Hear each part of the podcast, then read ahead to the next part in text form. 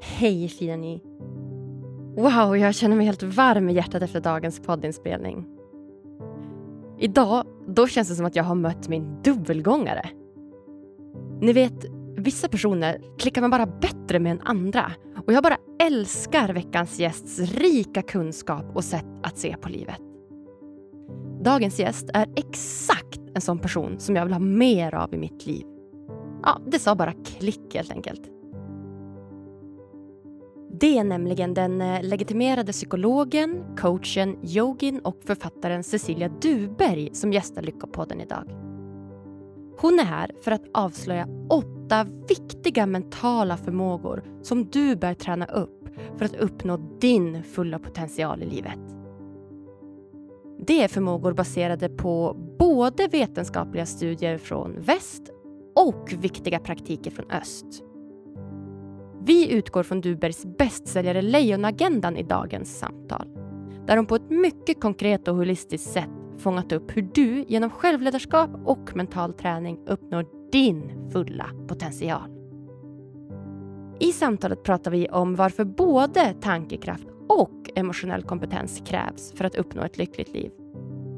Vi pratar om varför smarta mål inte fungerar. Vi pratar om varför optimism är viktigare än att vara positiv och varför återhämtning kommer före prestation. Det och mycket, mycket, mycket mer kommer ni få ta del av de kommande 60 minuterna. Ett riktigt gåshudsavsnitt. Och eh, på tal om emotionell intelligens hörni. Jag blir så rackarns glad av att just det är en del av Cecilias bok. Ni vet hur ofta jag pratar om att det råder en generell brist på emotionell kompetens i vårt svenska samhälle idag. Ja, i vart fall ni som har hängt med ett tag, ni känner igen det tror jag. Därför är jag extra glad över att ha blivit inbjuden till Bästa Kristoves Self Master-kurs nu i december, där vi ska träna på just det. Kommer ni ihåg Kristove? Det var ju han som gästade podden i avsnitt 211 och pratade då om just emotionell kompetens.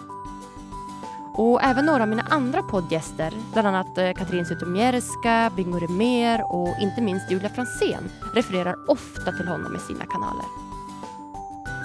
Känner du också att du behöver lära dig mer om hur du bör förhålla dig till dina känslor? Ja, då tycker jag att du ska hänga med mig.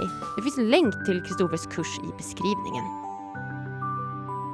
Och jag då? Jo, jag heter fortfarande Agnes Sjöström och jag tycker du är klokast i världen som genom att lyssna på den här podden väljer mer lycka och välmående i livet. Finns det något viktigare än att må bra på den här korta lilla tiden vi har på planeten jorden? Nej, det gör ju inte det. Den här podden den är till för dig som generellt sett mår ganska bra men som med hjälp av små enkla medel vill uppnå ännu mer lycka och välmående i livet. Nej hörni, nu har jag babblat alldeles för mycket här. Dags att lyssna på min fantastiska dubbelgångare istället. Varsågoda, här kommer Cecilia Duberg.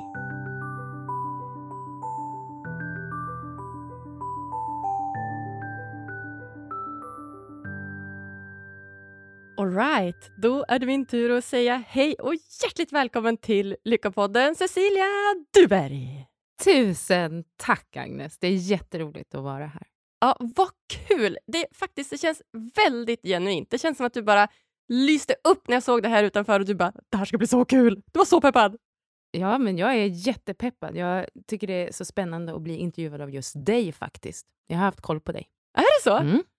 Berätta, varför? varför? Ja, men jag tycker det är så viktigt att eh, psykologin får eh, bra plattformar och når ut överallt. Och Jag tycker du har gjort det på ett så bra sätt. Så därför, så, som jag berättade för dig innan, jag är oftast inte med i poddar, men den här har jag sett fram emot att, att vara med i och jag blev så glad när jag fick frågan. Ja, ja och bara det är ju så här, jag bara, mitt poddhjärta bara brinner på insidan. Jag blir så himla glad. Har du ett poddhjärta? Jag har ett poddhjärta! När folk säger snälla saker om podden och mig, då blir jag så här, åh, tack så mycket. Det är så härligt. Så ja, nej, men tack för att du gör den. Ja. Riktigt. Nej men tack själv, alltså, verkligen tack för att du är här och tack för de fina komplimangerna. För jag håller ju med, det här är ju världens bästa podcast. Mm. ja. Superbra. Så fint. Ja. Du Cecilia, jag tror att vi har så mycket gemensamt, du och jag. Alltså, jag kände bara direkt när jag liksom, ja, men researchade lite på dig och kollade vad du har gjort tidigare, läst din bok som vi ska prata mer om idag, Lejonagendan och så vidare, så kände jag bara det här, vi har mycket gemensamt du och jag. Mm. Det är Ja. nog det jag känner också. Ja, det är nog det.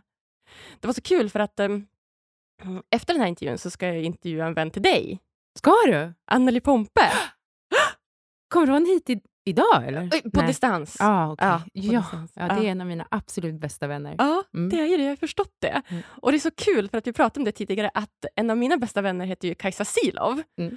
Och eh, vi pratade lite om henne tidigare. Vi anordnar ju Lyckoresan tillsammans och, och lite liknande. Och det är så kul, för att det känns som att att du och jag är väldigt lika. Och Anneli och Kajsa är så himla lika med sina liksom, äventyrsföretag. Åh, det har du helt rätt i. Just det, och Anneli och jag, vi kompletterar ju varandra med, det, med de yttre och inre äventyren. Exakt, Det gör ni också. och det gör vi också. Mm. Alltså, det är som att vi är som likadana. Ja, parallellkompisar. Eh. Ja, exakt. Parallellkompisar. Tänk och, nu dök det upp så här i min, hu, min, mitt skalle, att så här, tänk om du och jag hade suttit här och så bara hade vi har ju två mikrofoner till här, så bara hade vi haft Kajsa och Anneli här Åh sidan herregud, det, det hade jag aldrig tagit slut i avsnittet. det hade inte Nej. det. Det hade varit eh, ett 24 timmars poddavsnitt. Ja, vi kanske ska fundera på det. ja, kanske ska göra det. Ett dygn med äventyrarna. Ja, Mm. exakt. exakt. Ja, men det är väl därför jag känner så mycket kärlek till dig och till Anneli också, för att det är faktiskt Kajsa som, som är ska säga, uppfinnare till det här. Hon bara, nu borde jag ha med Cecilia och Anneli och lalala. Och det var på Lyckoresan som hon sa det. Så jag bara, ja, lätt. Det är Mm. klart. Ja. Så himla fint. Mm. Världen är liten. Det finns såna här parallella universum med, med lika, likasinnade. Mm. Det gäller att hitta dem. Det gäller att hitta dem. Mm. Exakt. Och hålla hårt i dem. Mm. Och det hittar dem. finns faktiskt ju, det vet ju du också, men det finns ju forskning som stödjer det jättemycket. Att när vi vill göra nya saker eller utvecklas så behöver vi hitta de som ser det vi ser Mm. också, för att en, inte vara ensamma Mm. i turbulensen av Mm. allt nytt. Mm. Nej men exakt, verkligen. Så fint. Ja, men det vi ska prata om idag då, Cecilia, det är ju din fantastiska bok som heter Lejonagendan, framgångsrikt ledarskap genom stark hälsa och mental träning. Yes! Yes, fantastisk bok. Fantastiskt snygg bild också, sa jag på Mm. boken. Den är inte tokig. Den är Nej. ju i och för sig, det är länge sedan den togs, men Ja. jag, jag håller med dig. Det är en fantastisk bok och ibland känns det inte som att det är jag riktigt som har skrivit den. Jag har mer skrivit ner det som alla mina kloka mentorer har lärt mig. Mm. Och därför är just Lejonagendan är fortfarande mitt eget uppslagsverk. Mm. Mm. Du använder den än idag? Ja, oh ja. Ja. Vi måste börja med att prata om namnet Lejonagendan. Alltså lejon, alltså vart kommer det ifrån? Så när man jobbar som coach och psykolog så vet man att man ska ju inte prata om hur man inte ska göra. Man ska inte fokusera på vad man inte vill ha. Och inom vår tradition så pratar man ju mycket om att vi har monkey minds i väst. Och det man menar med det är att våra tankar är ibland som hoppande apor som eh, tjattrar och stökar och busar och är helt ouppfostrade. Och jag minns att jag satt en dag i min soffa och funderade. Om man nu inte ska ha ett monkey mind, vad ska man då ha? Och det slog mig att, eh, ganska så bildligt faktiskt, att jag har aldrig sett så mycket närvaro, kraft och samlat lugn som den gången jag tittade rakt in i ögonen på ett lejon. Tänk på det själv. Lejon är ju, de klassas ju som kungen, savannens kung. Så. Men de är inte snabbast, smartast eller störst. Än starkast. Men de har någonting som många andra däggdjur saknar. Den här totala, gracefulla närvaron. De har sin kattlika fysik. Och de kan smyga och de vilar. Och vilar och vilar utan att checka ut ur ögonen. Så om du tittar på ett vilande lejon så brinner det fortfarande i ögonen. Och det där tycker jag är inspirerande. Hur kan vi vila, hålla tillbaka, spara på vår energi utan att försvinna bakom ögonen? Och sen, när lejonen ska jobba, och lejonens jobb är ju att attackera en antilop eller någonting, och där kanske liknelsen slutar. Men när de ska jobba så går de all in, tar med all sin kraft och gör sitt jobb och sen lägger de sig och vilar igen. Och den rytmen behöver vi människor tränas i mycket mer. Snyggt, wow, verkligen. Ja, så jag pratade mycket om, om lejon med mina klienter och till slut så var det en klient som sa, men den här lejonagendan som du håller på med. och där kom namnet. Och där kom namnet. Gud vad fint, verkligen. Alltså, och bara man håller i den här boken och liksom ser på den så, så, så finns det liksom sån tyngd och sån närvaro och sån liksom auktoritet i den. Liksom. Mm, det är verkligen bra. så, "Mwah, den här, det är en bra bok. Mm. Ja. Kul! Ja, för det finns ju otroligt mycket bra forskning. Det finns eh, miljarders tips om hur vi kan bli hälsostarkare och mer mentalt fokuserade. Men de är så många så att vi behöver sortera ut.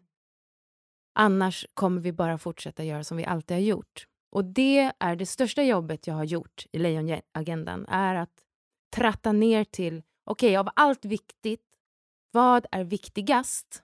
Och sen har jag använt det, de åtta mentala förmågorna som jag upp, eh, uppmanar oss till att träna, där har jag använt dem i mitt arbete som psykolog och coach till högpresterande i snart 20 år.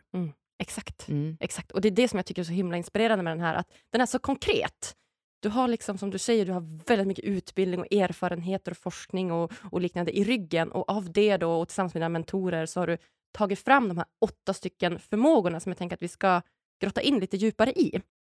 Jag tänker att jag kan börja med att läsa upp alla åtta här, så får lyssnarna en helhetsbild av vad det är vi ska prata om. Då. Så den första, det är då konsten att sätta en intention. Den andra är då reglera ditt inre tempo. Den tredje är sätt upp meningsfulla mål. Fjärde, konsten att tänka klart och använda din tankekraft. Femman, kraften i känslor, både dina egna och andras. Sexan, se verkligheten för vad den är och sänk hinder. Sjuan, stabilisering hjälper dig bygga hållbart och långsiktigt. Åtta, vi knyter ihop säcken med en högst viktig mental förmåga. Reflektion. Ja, där Boom! satt den! Där satt den! Ja. Så om vi börjar med den här första då, konsten att sätta en intention. Om vi börjar med egentligen, vad, vad är ens en intention? Så jag vill, bara, jag vill börja med att säga att alla de här förmågorna, för när vi pratar om det som förmågor istället för som personlighet, eller så, så är det ju någonting vi kan påverka. Mm. Och det jag vill träna folk i, i den här boken, är ju just hur gör man det då? Och alla de här förmågorna har du redan. Det jag vill hjälpa dig med är att stärka upp dem. För precis på samma sätt som vi har alla muskler i kroppen, så huruvida de är starka eller inte, det beror ju på hur mycket vi har tränat dem. Men de finns där, potentiellt. Så det, det är själva utgångspunkten. Att ja, du kan redan sätta en intention, jag vet. Och nu ska jag förklara för dig vad det är du gör. Ja, please Mm. do! Så intention har med våra, eh, främsta kapital att göra. Idag är människans främsta kapital vår uppmärksamhet. Ja. Får man din uppmärksamhet, får man dina pengar, får man din tid, får man ditt liv. Och därför behöver vi bli mer medvetna om vad som får vår uppmärksamhet. Många människor lever som om vi hade hur mycket uppmärksamhet som helst att slösa med om dagarna. Och det kunde inte vara mer fel. Vår uppmärksamhet, den dos uppmärksamhet vi får per dag, är ytterst begränsad. Och det vi lägger vår uppmärksamhet på blir vårt liv. Det är ingen klyscha eller skröna. Så är det. Och det jag menar är att, och, in, och många med mig, att vi kan i mycket högre grad än vi tror välja vad som ska få vår dyrbara och värdefulla uppmärksamhet. Och det är det jobbet som jag alltid börjar att träna mina klienter i. Fint! Mm. Alltså verkligen, uppmärksamheten, alltså så viktigt. Alltså, det är ju så, som du säger, begränsad resurs vi har och det är viktigt vart vi faktiskt väljer att lägga vår uppmärksamhet. Ja, och om vi in, inte tränar oss i det här så kommer vi eh, vara helt chanslösa när vi väl behöver styra uppmärksamheten. Så jag kan också börja med att säga att det finns ju inga quick fix. Men vissa saker är väldigt lätta att lära sig. Och det är det som är vår ingång här. Så hur sätter man en intention och vad är egentligen en intention? Allt vi gör har en intention. Frågan är alltså om den är medveten eller omedveten. Och ska vi göra våra intentioner mer medvetna, alltså hur vi går in i saker, vad vi vill ha ut av en situation, vem vi vill vara, vad vi vill ge, då behöver vi skapa ett litet utrymme innan, i stunden innan, där vi blir medvetna om våra intentioner. Så en intention sätts alltid i stunden innan. Innan vad då, undrar alla då. Innan allt. Innan ett samtal, innan en poddinspelning, innan en träning, innan en dag kanske. Och om vi tränar oss i att karva ut det här lilla utrymmet i stunden innan så är det inte så svårt det vi behöver göra där. Det svåra är alltså att stanna upp, förankra sina fötter, ta ett djupt andetag, släppa det vi kommer ifrån och göra oss medvetna om var fötterna står. Och vad vi vill ta med oss in i den kommande stunden, samtal, telefonsamtal eller möte eller i eh, ja, ett jobb, vad som helst. Jag tränar ju det här själv såklart och jag gör det varje morgon. Jag sätter intentionen inför en dag. Och jag har valt att göra det dels för att jag har märkt hur kraftfullt det är med morgonrutiner. Forskning visar nu att om du äger din morgon så äger du din dag. Det du gör de första 60 till 90 minuterna av en dag kommer att antingen skälpa eller hjälpa dina kommande åtta timmar. Mm. Så små insatser som ger stor effekt, mm. det gillar vi. Och morgonen är ganska återkommande. Ja, så därför är, finns det en bra, en bra flow på det. Så jag tar mig en liten stund varje morgon där jag landar i mig själv och i min kraft och i mina värderingar, i min tacksamhet och mina intentioner. Innan jag släpper på resten av världen, innan jag ens öppnar min telefon eller innan jag börjar prata med mina människor.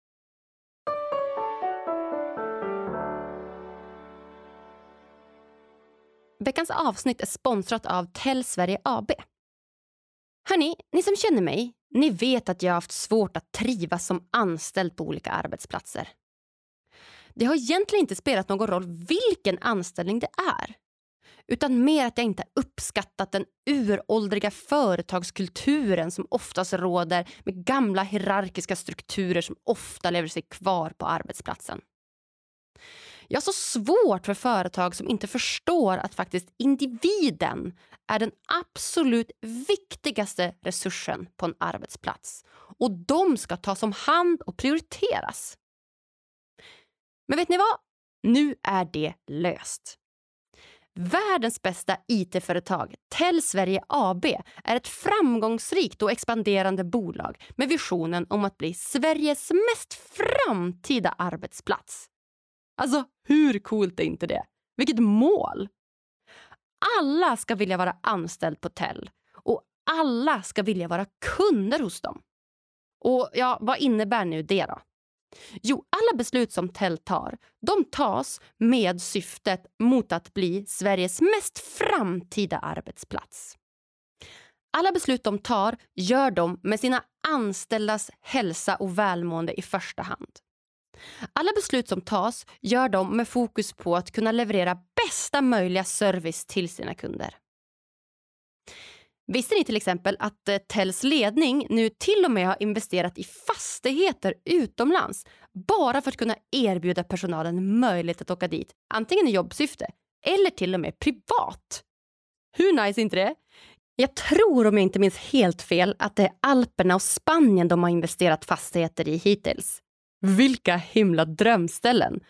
Både fjällen, skidåkning, snowboardåkning och sommaren, sol och badet. Och Som kund så kan du till och med ringa en fredagkväll klockan 22 och få bästa möjliga servicen för just dina IT-problem. Ja, det är som att ringa till en god vän och snacka lite skit och samtidigt lösa dina IT-problem. Så himla bra!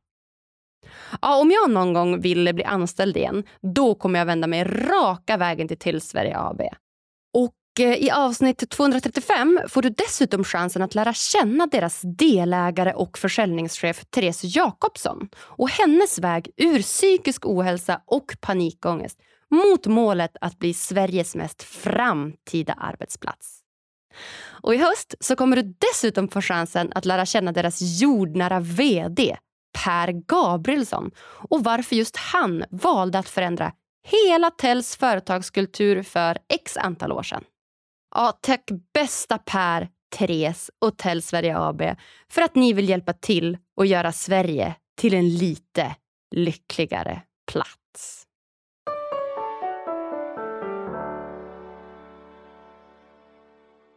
Har du något sånt exempel liksom på, på en intention som du har? Är det liksom, sätter du en intention för liksom, varje morgon? då? Är det för liksom, den dagen eller för en specifik händelse på dagen eller är det för livet i stort? Eller hur kan liksom, en intention se ut? Något exempel? så?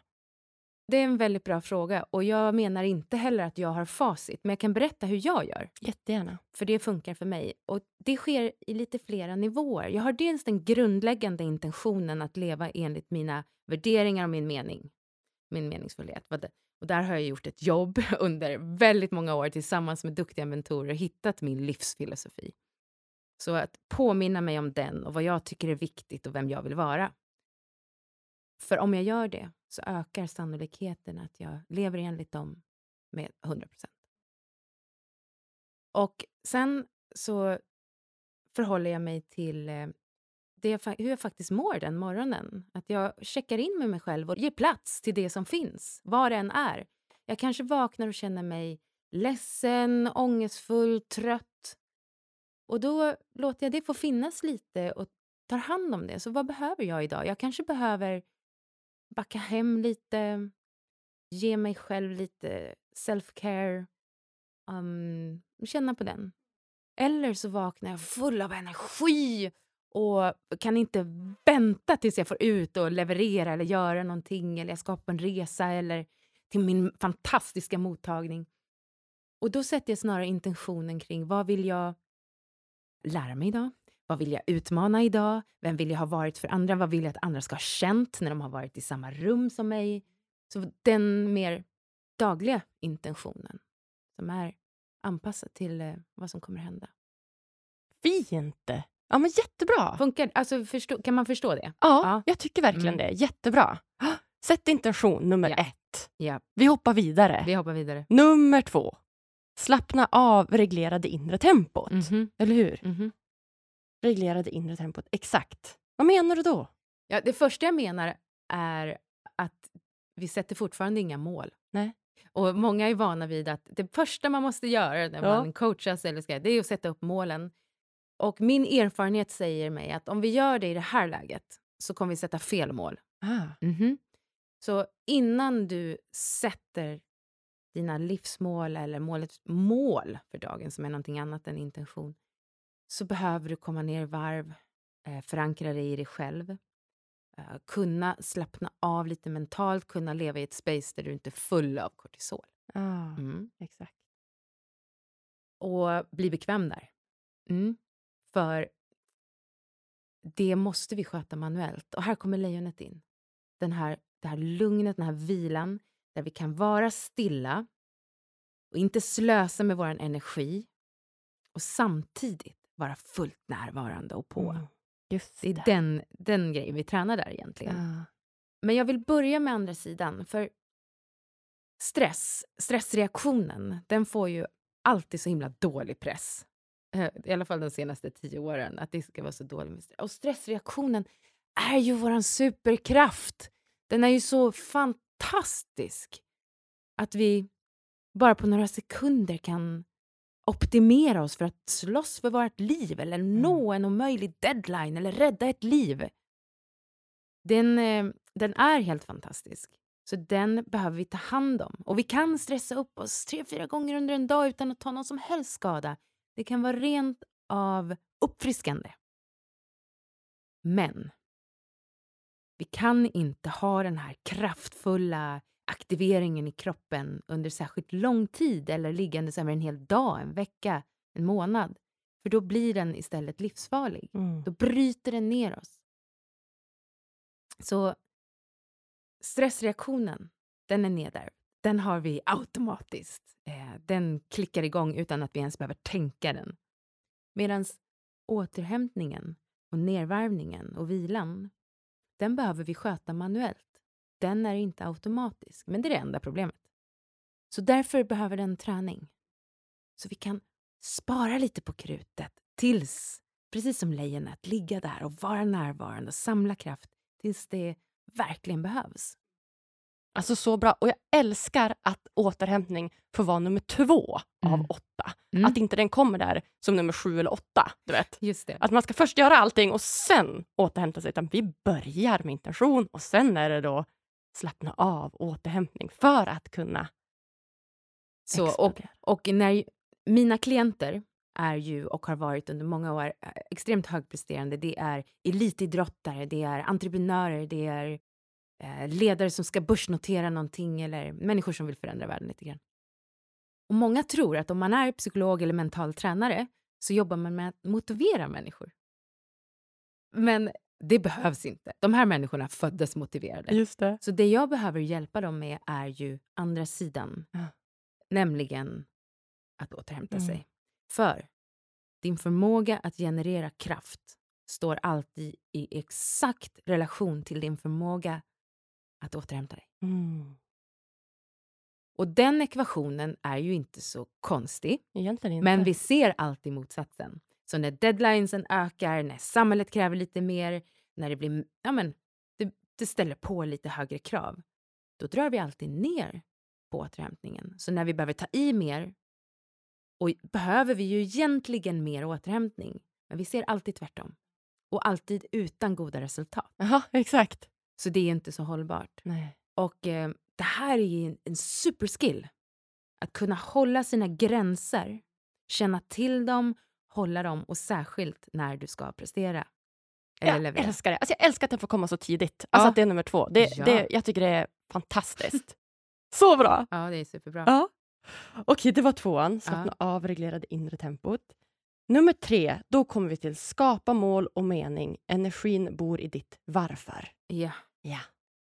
Berätta mer. Så sen kan de äntligen få sätta mål. ja, exakt, exakt. Så nu har vi satt intentionen, vem du vill vara, vad du bottnar i, vad du utgår ifrån. Och så har vi lugnat ner oss, hittat närvaron. Nu kommer vi sätta rätt mål. Men det är fortfarande ett finlir. Så när man frågar människor vad de vill sätta för mål så är det väldigt vanligt att man svarar med ett resultat istället för ett mål. Ah, Och jag skiljer jättemycket på resultat och mål. Man vill, ja men mitt mål är att vinna eller tjäna väldigt mycket pengar eller bli bäst eller vad det nu kan vara. Ja. Och det är inte ett mål för mig, det är ett resultat. Ah. Resultat är jätteviktiga måttenheter som hjälper oss att benchmarka, absolut, och det hjälper oss att se om vi har nått våra mål. Men ett mål behöver handla om hur det ser ut när vi är framme. Och det behöver innehålla någonting vi kan påverka. För hur du, huruvida du vinner eller inte, det ligger inte i dina händer. Nej, Det kommer handla om vad domarna har i huvudet den dagen. Det kommer handla om vad dina eh, konkurrenter har gjort. Det kommer handla om din dagsform den dagen. Så det vi kan påverka är okej, så hur kan du vara i din bästa form och hur ser det ut och hur känns det och vem pratar du med? När du är framme vid ditt mål, hur ser det ut? Vilken form är du i? Vilken mental och känslomässig vil- vilket utrymme har du för dig själv? Vilka människor finns i ditt liv? Om du ser dig omkring, hur ser det ut? Hur pratar ni med varann? Och där bor det. Och sen finns det ju ett, en viktig nyckel till när man sätter mål. Och det är ju att de behöver vara meningsfulla. Mm. Åh, och där brukar det också bli lite motstånd. Okej. Men meningsfullhet är, det är bensinen. Och det är det jag menar med att känna sitt varför. Och det har många pratat om länge. Men om ditt mål inte är förankrat i någonting som är väldigt viktigt för dig så kommer du ge upp när det blir lite jobbigt. Ja.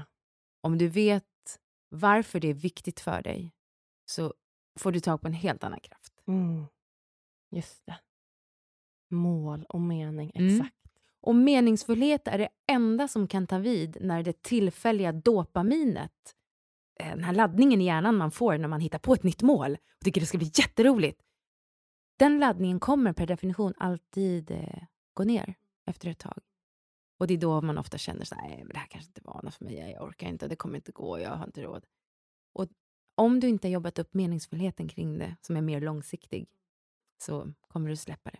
Och ett sätt som vi jobbar väldigt tydligt inom idrott och in, inom ledarskap är att ofta ligger ju de stora målen, målen kanske några år framåt. Det, kanske, det kan vara ett OS, det är fyra år säger vi. Och då behöver vi bryta ner det. Så den formen och den känslan och den personen du ska vara om fyra år. Hur ser den ut om ett år? Vad är det vi behöver ha gjort? Och hur ser det ut om en månad? Och vad behöver vi ha gjort varje vecka fram till dess? Så alltså, vad behöver vi göra varje dag? Vad är tre saker du behöver göra varje dag som har en röd tråd och en länk till det stora målet? Och på så sätt så blir de här små, till synes kanske tråkiga sakerna extremt laddade med meningsfullhet. Mm. Och där tänker jag också att lyckan i de små sakerna eh, klickar in. Så på så sätt så kan riktigt värdefulla mål bli som en emotionell motor. Mm. Snyggt.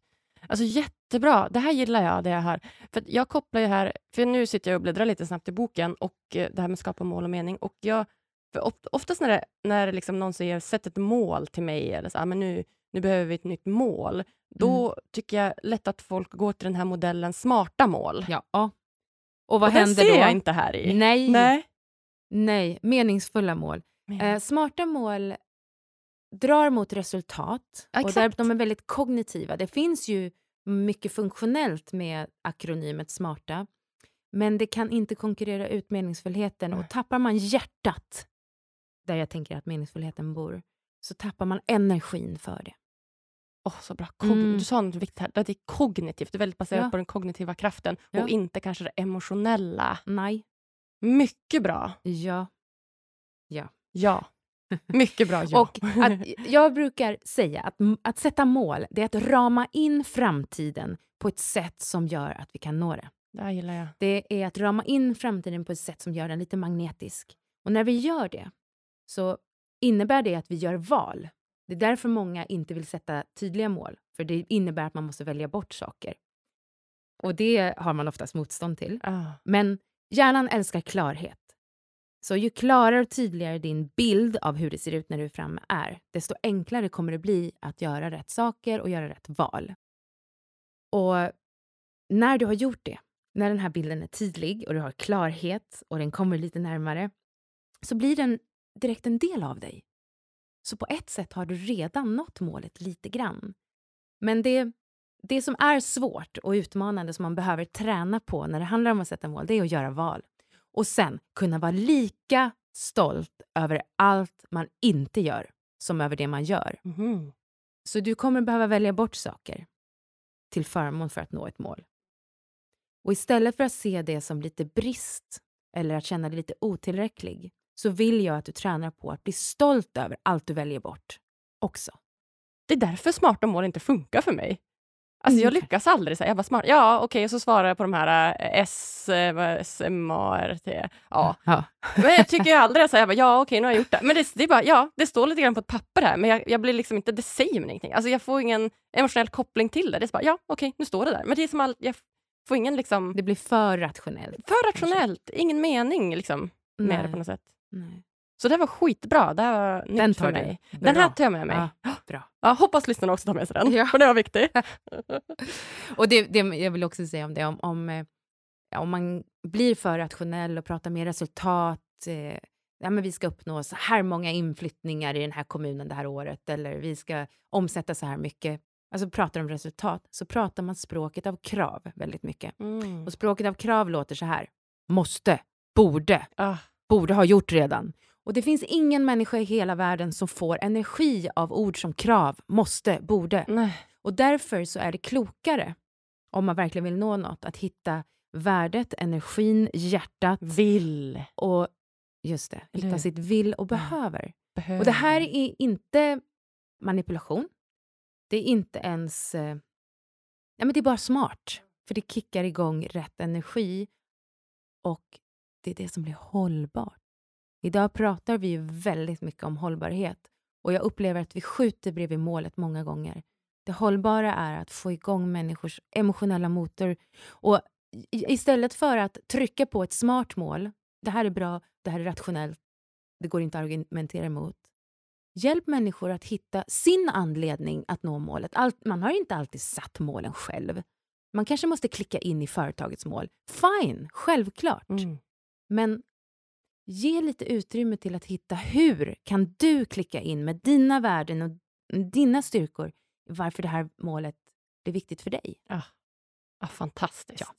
Tack. Så fint. Ja, det var nummer tre. Ja.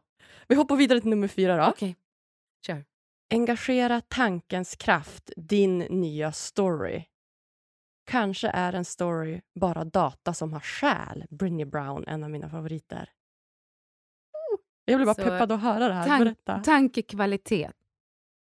I väst är vi ganska otränade i att ha tankar. Vi blir dem. Och tankar är ju bara tankar, men de är ju chefen. Så ditt självförtroende kommer alltid komma ner till vad du säger om dig själv, inom dig själv, bakom ryggen på andra. Så din inre story kommer vara styrande och därför är den viktig. Oavsett om den är sann eller inte. Och för att det här finns det ju hur mycket som helst att säga. Men mitt viktigaste budskap här kommer handla om optimism. För i synnerhet i dessa tider när vi, har, vi står inför utmaningar som ovisshet. Vi lever i mer ovisshet än vi kan egentligen hantera.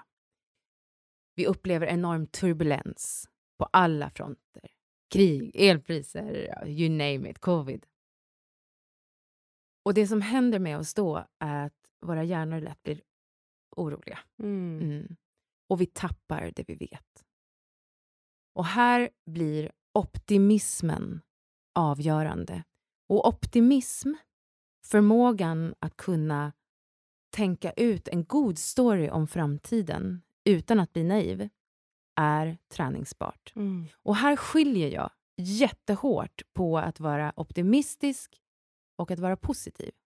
Okej, Mm. berätta. Så för oftast när man börjar lyfta de här grejerna, forskningen visar ju att vi tror mer på negativa människor, vi tycker negativa människor verkar smartare och så vidare och så vidare. Och det är väldigt olyckligt, men nu vet vi det, så Ja. då kan vi förhålla oss till det. Men aha, ska man inte vara i verkligheten? Ska vi inte se hur mycket illa det är? Och verkligheten är faktiskt bättre än vi pratar om den. Mm. Men våra hjärnor är ju i grund och botten orosmaskiner. De kommer, om de är stressade, kommer de hålla utkik efter potentiella hot, prata om dem och uppehåller sig gärna med att försöka älta problem. Så en helt otränad hjärna kommer göra exakt det. För att vi ska bli bättre på att se egentligen verkligheten. Att ha balans. Mm. Och även tro på framtiden så behöver vi träna oss på det. Mm. Och det kommer, precis som med stress och vila, det kommer inte automatiskt. Det behöver skötas manuellt. Att vara positiv, om jag nu ska hårdra det lite, är härligt. Det är som att eh, blunda, hålla för öronen och tänka på någonting roligt. Vilket gör att vi inte riktigt är i verkligheten. Ah, Men det blir lite härligt. Det, okej. det är att se en, en ljus sida av tillvaron. Optimism är att kliva in i verkligheten och tro på ljuset i slutet av tunneln. Fokusera på det, söka efter det, prata om vad som kan bli fantastiskt, men icke naivt. Så vi vet att det kommer bli tufft, vi kommer behöva utmanas, vi kommer behöva utvecklas, men det kommer gå. Okej. Så det är att kliva in i verkligheten och hålla fast vid att det kommer gå. Och när jag, jag har studerat många som har förändrat världen lite grann. Antingen med ett världsrekord eller ett nytt företag. Och så. Jag har jobbat med dem. Och det som skiljer dem från de som kommer fyra eller inte lyckas är att de tror och har den här optimismen, den icke-naiva optimismen. Det kommer gå. Jag vet inte hur än, men det kommer gå. Jag vet vad jag behöver, jag vet vilka människor jag behöver hitta. Jag har inte hittat dem än, men jag kommer söka efter dem. Och när vi kan klicka in i det här optimistiska förhållningssättet så är det dels är det ju härligt och vi ser nya saker och vi blir bättre på att uppehålla oss där. Men det påverkar också i nästa steg vad vi gör.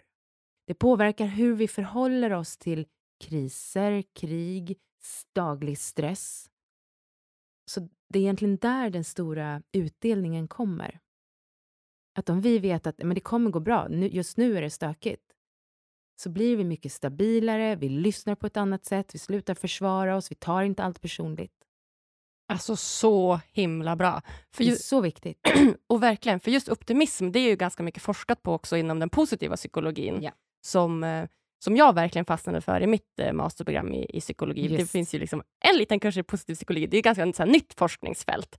Men då är ju liksom, tacksamhet är en sak som man har forskat mycket på. Meditationer, jag har också varit inne på att inte tro på allt vi tänker och så just optimismen. Mm. Och det var så fint det där med att just att optimism det är liksom verklighetsförankrat någonstans. Yeah.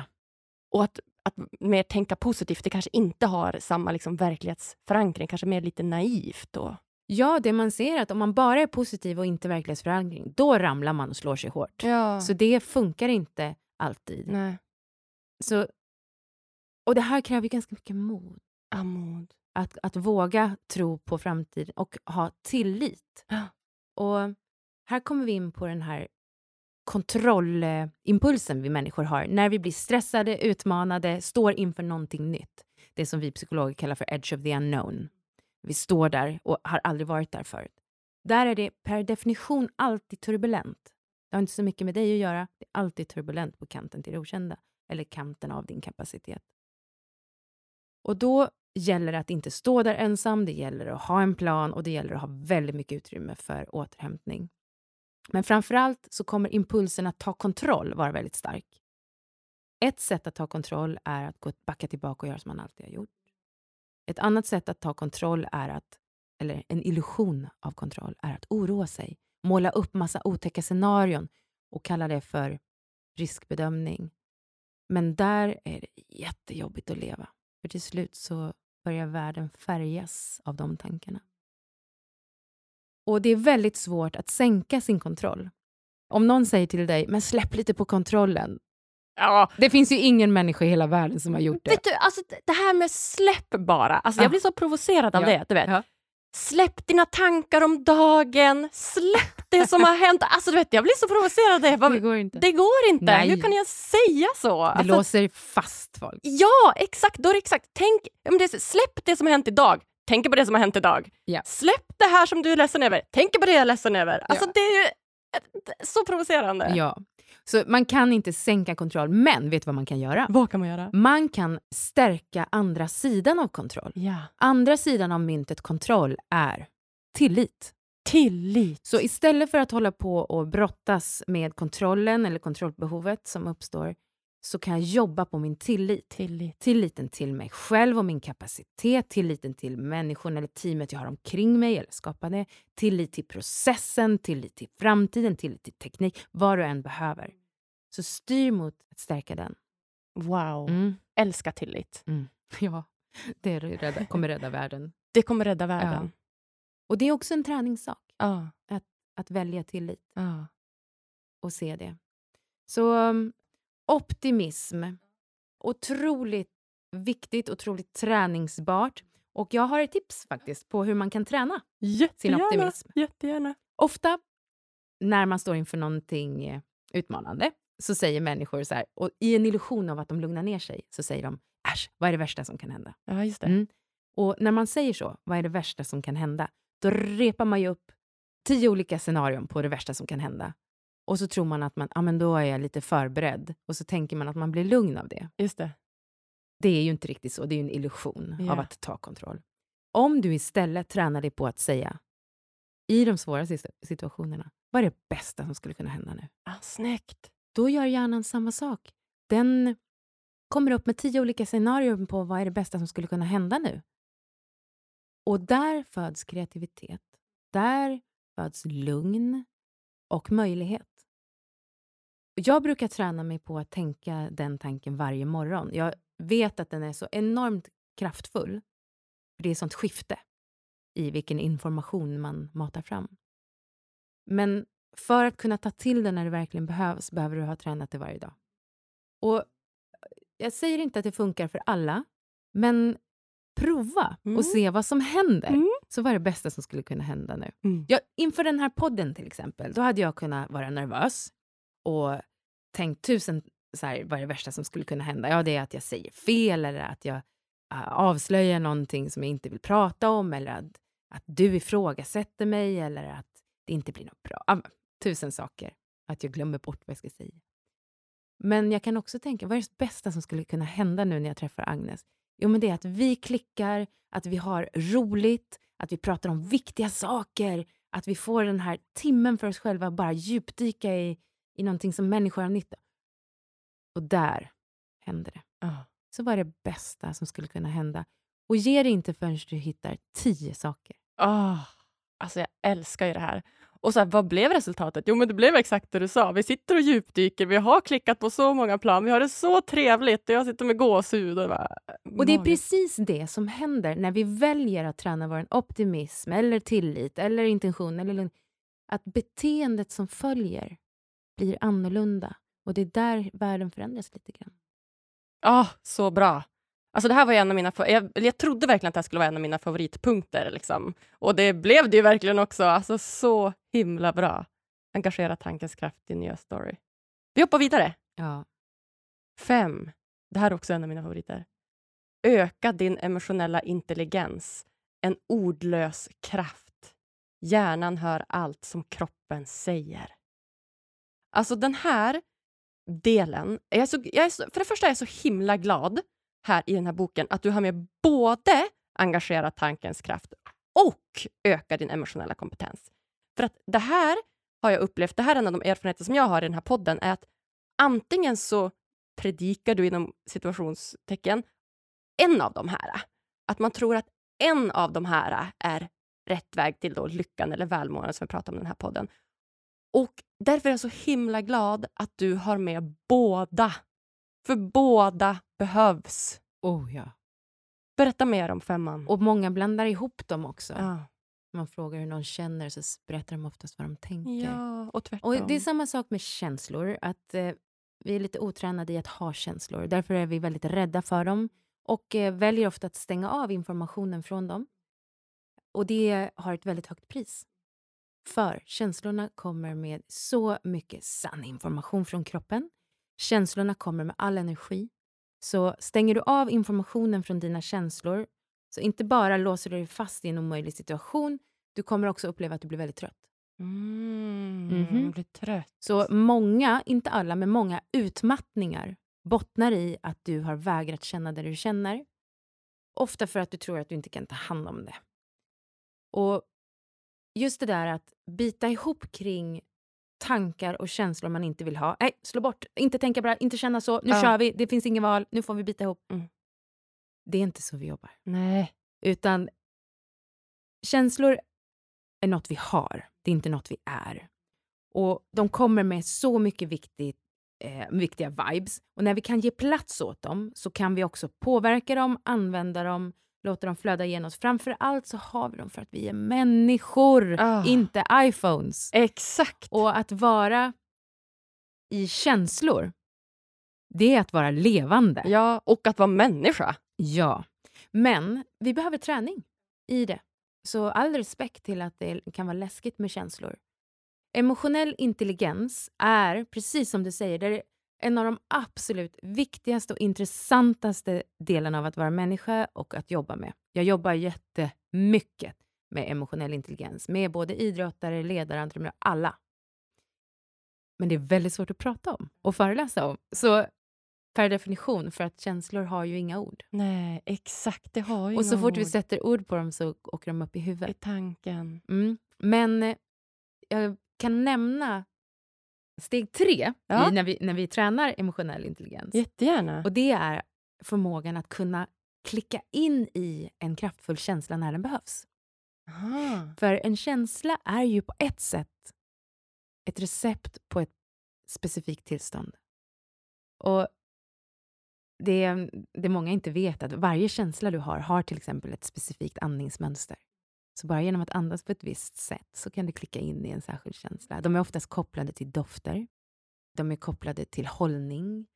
De är kopplade till eh, tanke, musik, eh, eh, ja, temperatur, jättemycket. Så kan man identifiera vilken känsla man hade när man vann, eller när det gick så där bra, eller när jag hade det där lyckade medarbetarsamtalet, eller när jag klarade att bara äga den där presskonferensen. Då kan vi lära känna den känslan och bygga upp den och träna oss på att gå in i den så att vi kan använda den och klicka in i den vid startblocken i tävlingen eller innan ett samtal med en medarbetare. Och på så sätt eh, använda kicken där. Men jag skulle ändå säga att det viktigaste med att ha och vara öppen för många olika känslor är att det gör oss levande och det gör oss också mer kommunikativa. Mm. När vi lyssnar in känslor från andra människor och blir nyfiken på dem och åker med i dem, då skulle jag säga att vi klickar in i ett högre sätt att leva. Ja. Och så finns ju eh, kontakt och relationer. ja, verkligen. Alltså så fint. För jag, tycker så, jag börjar ofta skratta när jag hör människor. För jag menar, man liksom pratar med någon på stan eller så här, lalala, för ett sam, liksom vanligt samtal, så får man också hö eh, ofta höra folk som bara alltså jag är en sån här känslomänniska, alltså jag känner ganska mycket. Man bara, du också? Alltså det är som att de på något sätt behöver försvara det eller säga det. Att så här, jag är en känslomänniska. Det är ingen som kommer och bara, jag är en tankemänniska. Det är ingen som säger. Men det är som att man måste så här, försvara den delen, att så här, jag är verkligen en känslomänniska som känner saker. Mm. Bara, ja, det är vi ju alla. Det är ju ingen som, människa som inte har känslor. Nej. Så det är på något sätt lite tragiskt och komiskt samtidigt. Jag tycker du fångar det väldigt bra där, Agnes. Mm. Och lyfter någonting viktigt. Och Det jag brukar fånga när jag hör det är att grattis. Ja. Det är så fantastiskt att få ha många känslor. Men det jag också kan fånga är att vissa som säger så, att jag är så extra känslig, jag är överkänslig, menar egentligen att de inte att de känner sig som offer för sina känslor, att de inte kan kontrollera, de har inte träningen i att ta hand om sina känslor och därför blir det besvärligt. Mm. Och till alla er vill jag verkligen säga att det är inte så jobbigt för alla, så jag, jag förstår att du har det jobbigt och det finns bra träning och hjälp att göra kring just hur man avgränsar känslor, hur man förstår dem, så att man inte blir så rädd för dem. Men att ha känslor, det är det högsta. Så grattis! Och kan du bli nyfiken på dina känslor, och jag ska hjälpa dig lite grann nu, då, då kan det, resten av livet se lite annorlunda ut. Och ett sätt att bli nyfiken på känslor är att veta om att en känsla är inte alltid en slutprodukt av någonting. För det är ofta så vi tänker kring känslor. att ja, Nu har den varit dum så alltså är jag ledsen. Eller nu har den dött så då är jag i sorg. Eller nu har jag tråkigt så nu... Ja. Så att vi tänker att det är en slutprodukt. Eller hur? Mm. Men en känsla är lika mycket en push in i framtiden. Så det finns en information i den. Där sorg till exempel, vi tänker att det är slutet på en relation eller någonting. Men sorgen, pushen i sorg är att du har en längtan efter någon att lägga din kärlek på. Och den är riktad framåt. Eller din ilska är en push i att bli modig. Inte i att hämnas. Eller att göra något annorlunda eller ställa saker till rätta. Så en känsla är lika mycket en push framåt. Och det hoppas jag kan göra dig nyfiken. Ja, så bra tips! Jättebra! Åh, så fint! Ja, vad härligt. Då har vi klarat av den här på vår korta lilla tid. Det känns som att man har så mycket mer att säga om varje av de här, men Ja, det var väl en bra sammanfattning? mycket. Ja. mycket. Jag, är, jag är jättenöjd. Det är så tryggt att sitta med dig som, som eh, känner till psykologin och Ja. förstår kraften i den också. Ja. ja, men verkligen. Det, och det är så fint att sitta med dig som kan så mycket om det här och som säger såna här saker som gör att jag får gåshud. Det är så, så Ja, fint. alltså, jag är ju tränad i väst. Eh, jag har ju studerat i eh, bland annat USA och England i säkert 15 år och fördjupat mig i det här efter min psykologexamen här. Så jag är jätteskolad i det mesta Och jag älskar det, det är min grej. Jag kommer aldrig sluta, jag studerar fortfarande. Men jag är också tränad i öst inom kampsport, yoga, mindfulness. Och jag vill och bor och agerar och jobbar i mitten mellan de här två. Och det har, det har varit min väg. Absolut bli nyfiken på vad vet man, vad säger teorierna, hur kan man strukturera sitt tänkande och sitt lyssnande kring det här. Men hur kan jag också eh, jobba med mig själv eh, och med eh, annan visdom. Så jag vill verkligen inte hamna i ett fack där jag är någon, någon eh, kunskapsbank. Och ju mer jag studerar, desto mer du vet ju vad som händer. Jag, jag, kan, jag börjar kunna lite grann mm om någonting. Exakt, det är mm. den. Och jag vill alltid vara där, för det gör mig hungrig. Ah. Efter att förstå mer, efter att lyssna ordentligt på människor. Så Absolut, jag har sammanfattat mycket i den här boken, men det är bara början. Ja, det är bara början. Desto mer du lär dig, desto mer inser att du inte kan. Ja. Ja, det är så spännande. Och, ja, men, och just det, du säger att du liksom någonstans väver in båda delarna, för det upplever jag nu i två kontexter här, att som du säger, att så här, ja, du är skolad i väst och hela den liksom, väldigt eh, vetenskapliga studierna, väldigt mycket tankekraft och lära sig på det hållet. Men du är också skolad i öst, mer mindfulness och meditation och kroppen och, och, rörelser och vad det gör med människan. Och Det är också något som jag märker i podden, att så här, du, det är oftast lite antingen eller. Att man pratar lite antingen eller, men här får båda plats. Mm. På det, på det, och Det tycker jag är väldigt fint. Och samma sak när det kommer till det här med tanken och känslan.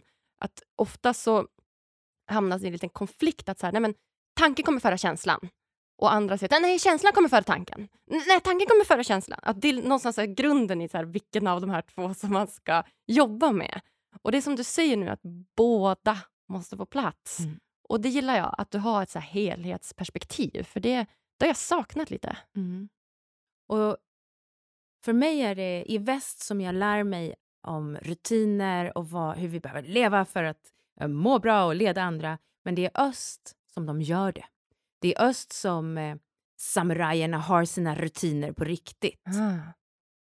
I väst är det mycket ord. Ah. Och därför så behöver jag både för att komplettera, men att hålla den här komplexiteten, mm. det kräver sitt jobb. Mm. Mm. Men det, det, blir helare. Mm. Ah, så bra! Okej, vi hoppar vidare. Mm. Eh, nummer sex. Sänk hinder. Att släppa taget och öppna för nytt. Argumentera för dina tillkortakommanden så får du behålla dem. Elisabeth Gilbert. ja. ja. Ofta så lägger vi väldigt mycket krut på driv. Att driva framåt, jobba hårdare, lyfta blicken, ta i lite mer, tänk positivt, kör på, det kommer gå. Utan att eh, reflektera över att hälften av din kraft är hindrande. Så när vi istället kan identifiera både det som driver oss framåt och vad som hindrar oss, så kan vi ju börja få lite balans i det här. Det jag egentligen vill säga är modet att identifiera och prata om hinder, det som står i vägen för oss, och sen sänka dem, är mycket mer effektivt än att ta i hårdare och hårdare och hårdare. Och hårdare. just det, jobba Men smart. det är ju lite besvärligt. Ja. Det är oftast eh, kantat av potentiell konflikt, att man tycker olika, man måste göra val, man måste välja bort. Uh, man måste ringa det där samtalet som man bara undviker, man måste säga upp sig på jobbet utan att veta vad som ska komma sen. Man, man behöver göra obekväma saker. Men att sänka hinder är en fantastisk konst och för att göra det så behöver man först se vad hindret är. Och för att veta vad ett hinder är behöver man veta vad är målet då? För hindren finns bara i relation till ett mål. Exakt, annars finns det inga hinder. Nej. Och, det här, och lika mycket som jag älskar att slappna av, reglera det inre tempot kom först, alltså som nummer två, så älskar jag att den här kommer sent, som nummer sex.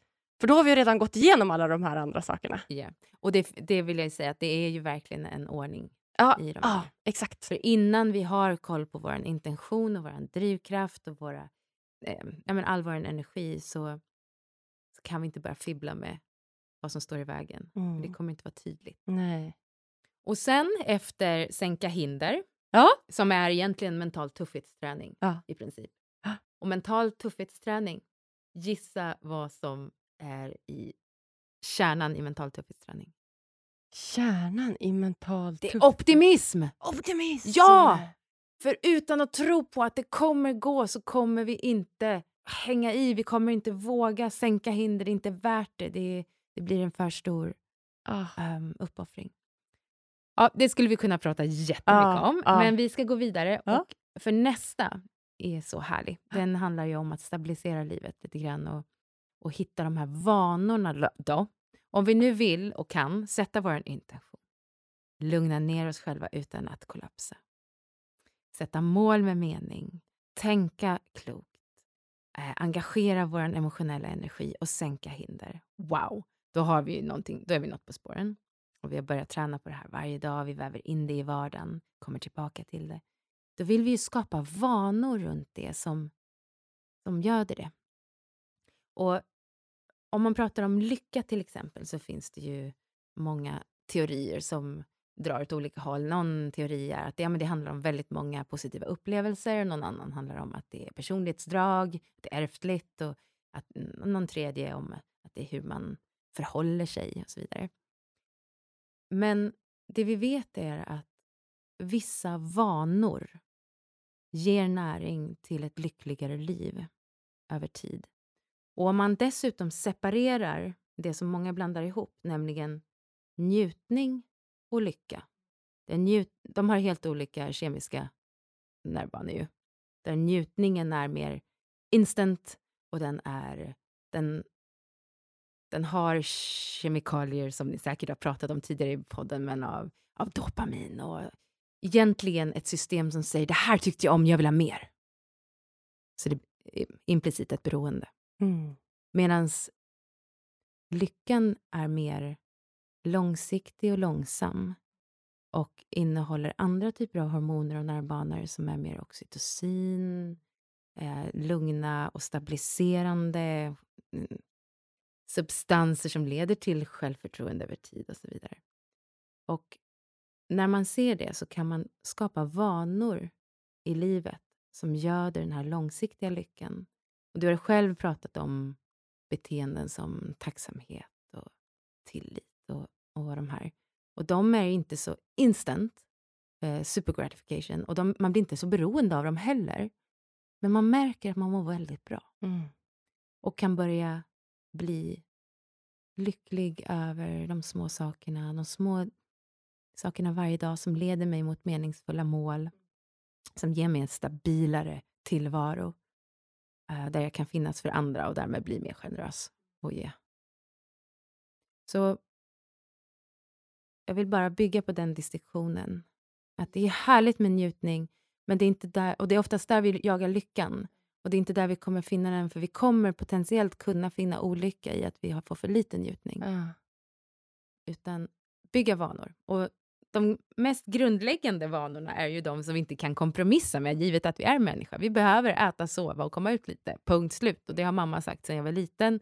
Och det eh, var ingen borta vid, i Harvard som sa emot, men det är det vi behöver komma ner till. Och om vi hoppar över det, då spelar det ingen roll hur mycket böcker vi läser eller vad vi håller på med eller hur många smarta mål vi sätter upp, för inget kommer funka.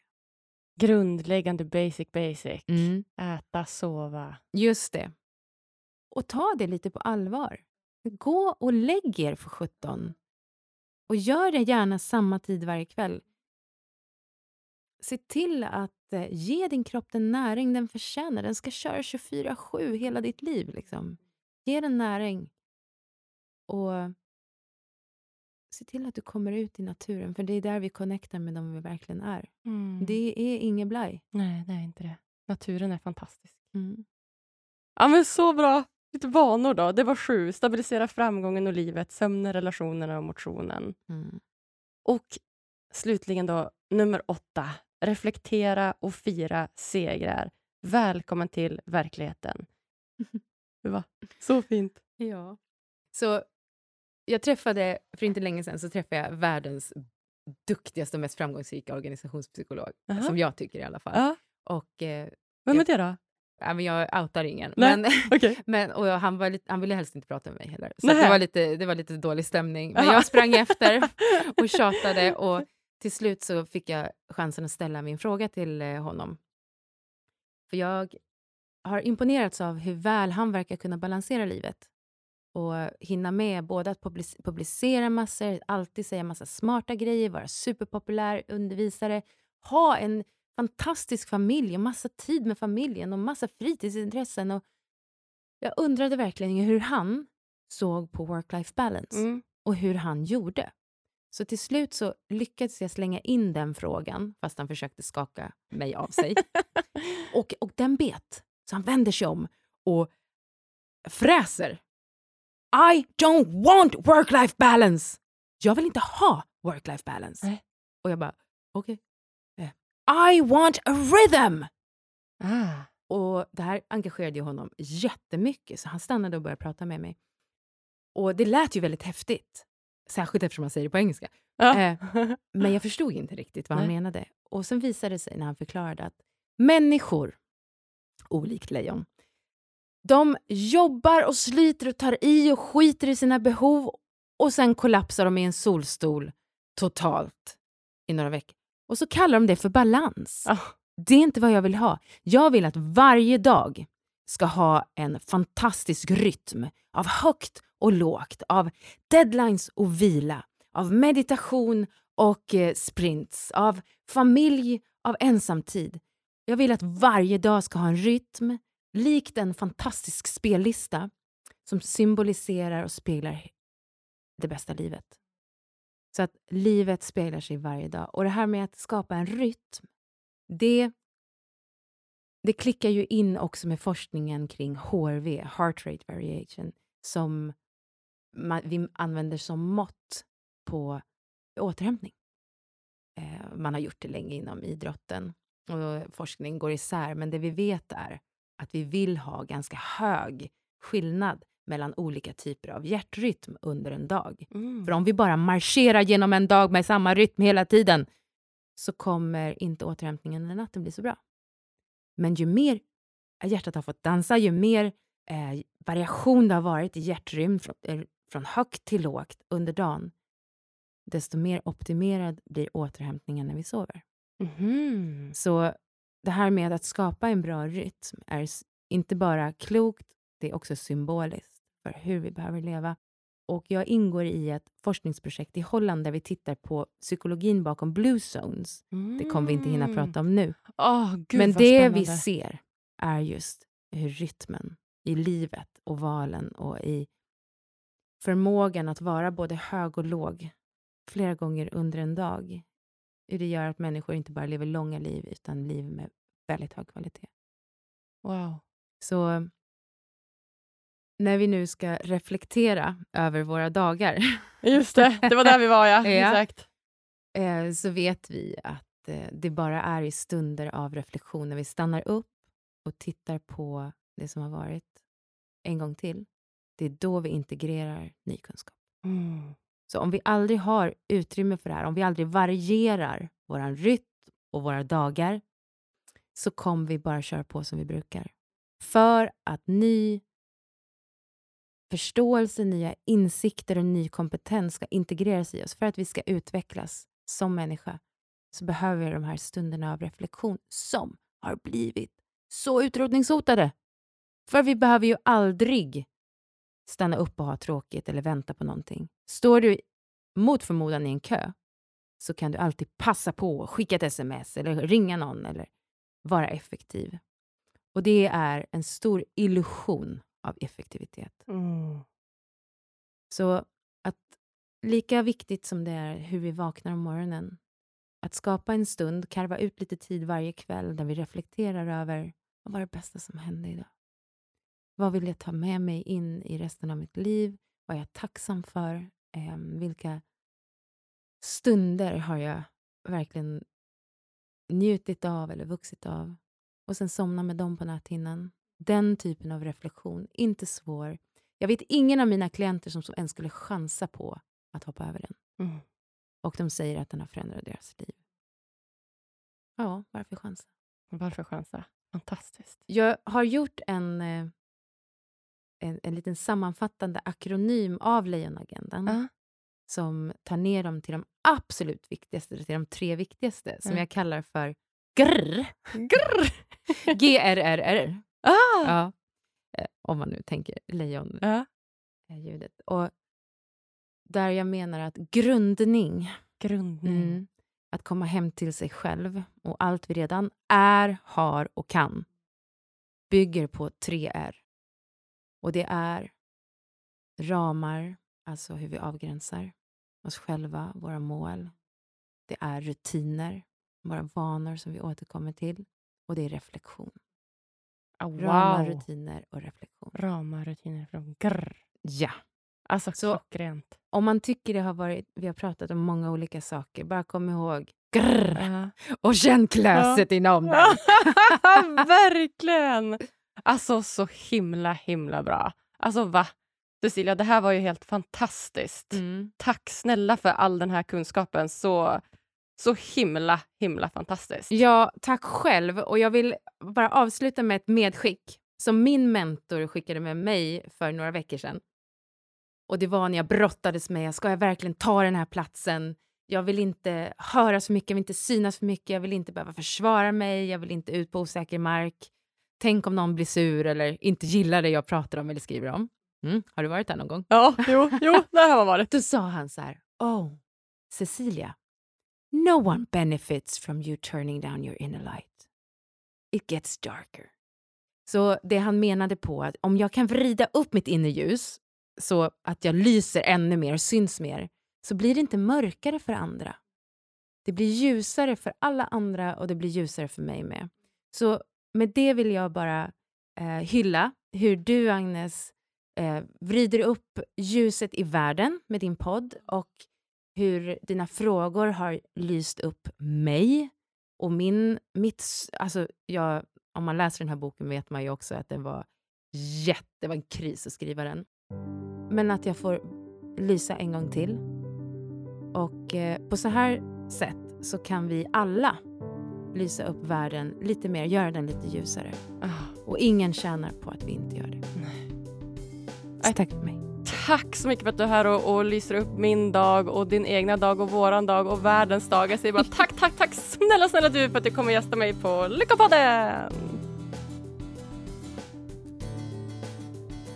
Nej men alltså wow hörni. Lejonagendan och grr-metoden. Skriv ner det här direkt vet jag. Jag är övertygad om att ni kommer ha maximal nytta av det. Och att Cecilia får med både västvärldens syn på lycka och välmående och östvärldens metodik. Att de pratar om både tankens kraft och emotionell intelligens. Ja, nej, jag är som sagt helt blown away. Ett riktigt gåshudsavsnitt. Och du? Om du också uppskattade det här avsnittet så hade jag blivit mega superduper trippelglad om du ville gå in på podcaster-appen i din iPhone eller Android-telefon och ge oss så många stjärnor som du tycker det här avsnittet förtjänar. Lämna jättegärna lite kommentar också om du vill det. Och vill du veta mer om mig och få ännu mer lyckotips och inspiration? Då tycker jag dels att du ska följa vår Instagram, Lyckopodden heter vi där, och också lägga till mig i ditt nätverk på LinkedIn. Agnes Sjöström heter jag där. Då lovar jag att du inte kommer missa något som helst lyckotips. Vi hörs på tisdag igen. Lyckopuss till dig!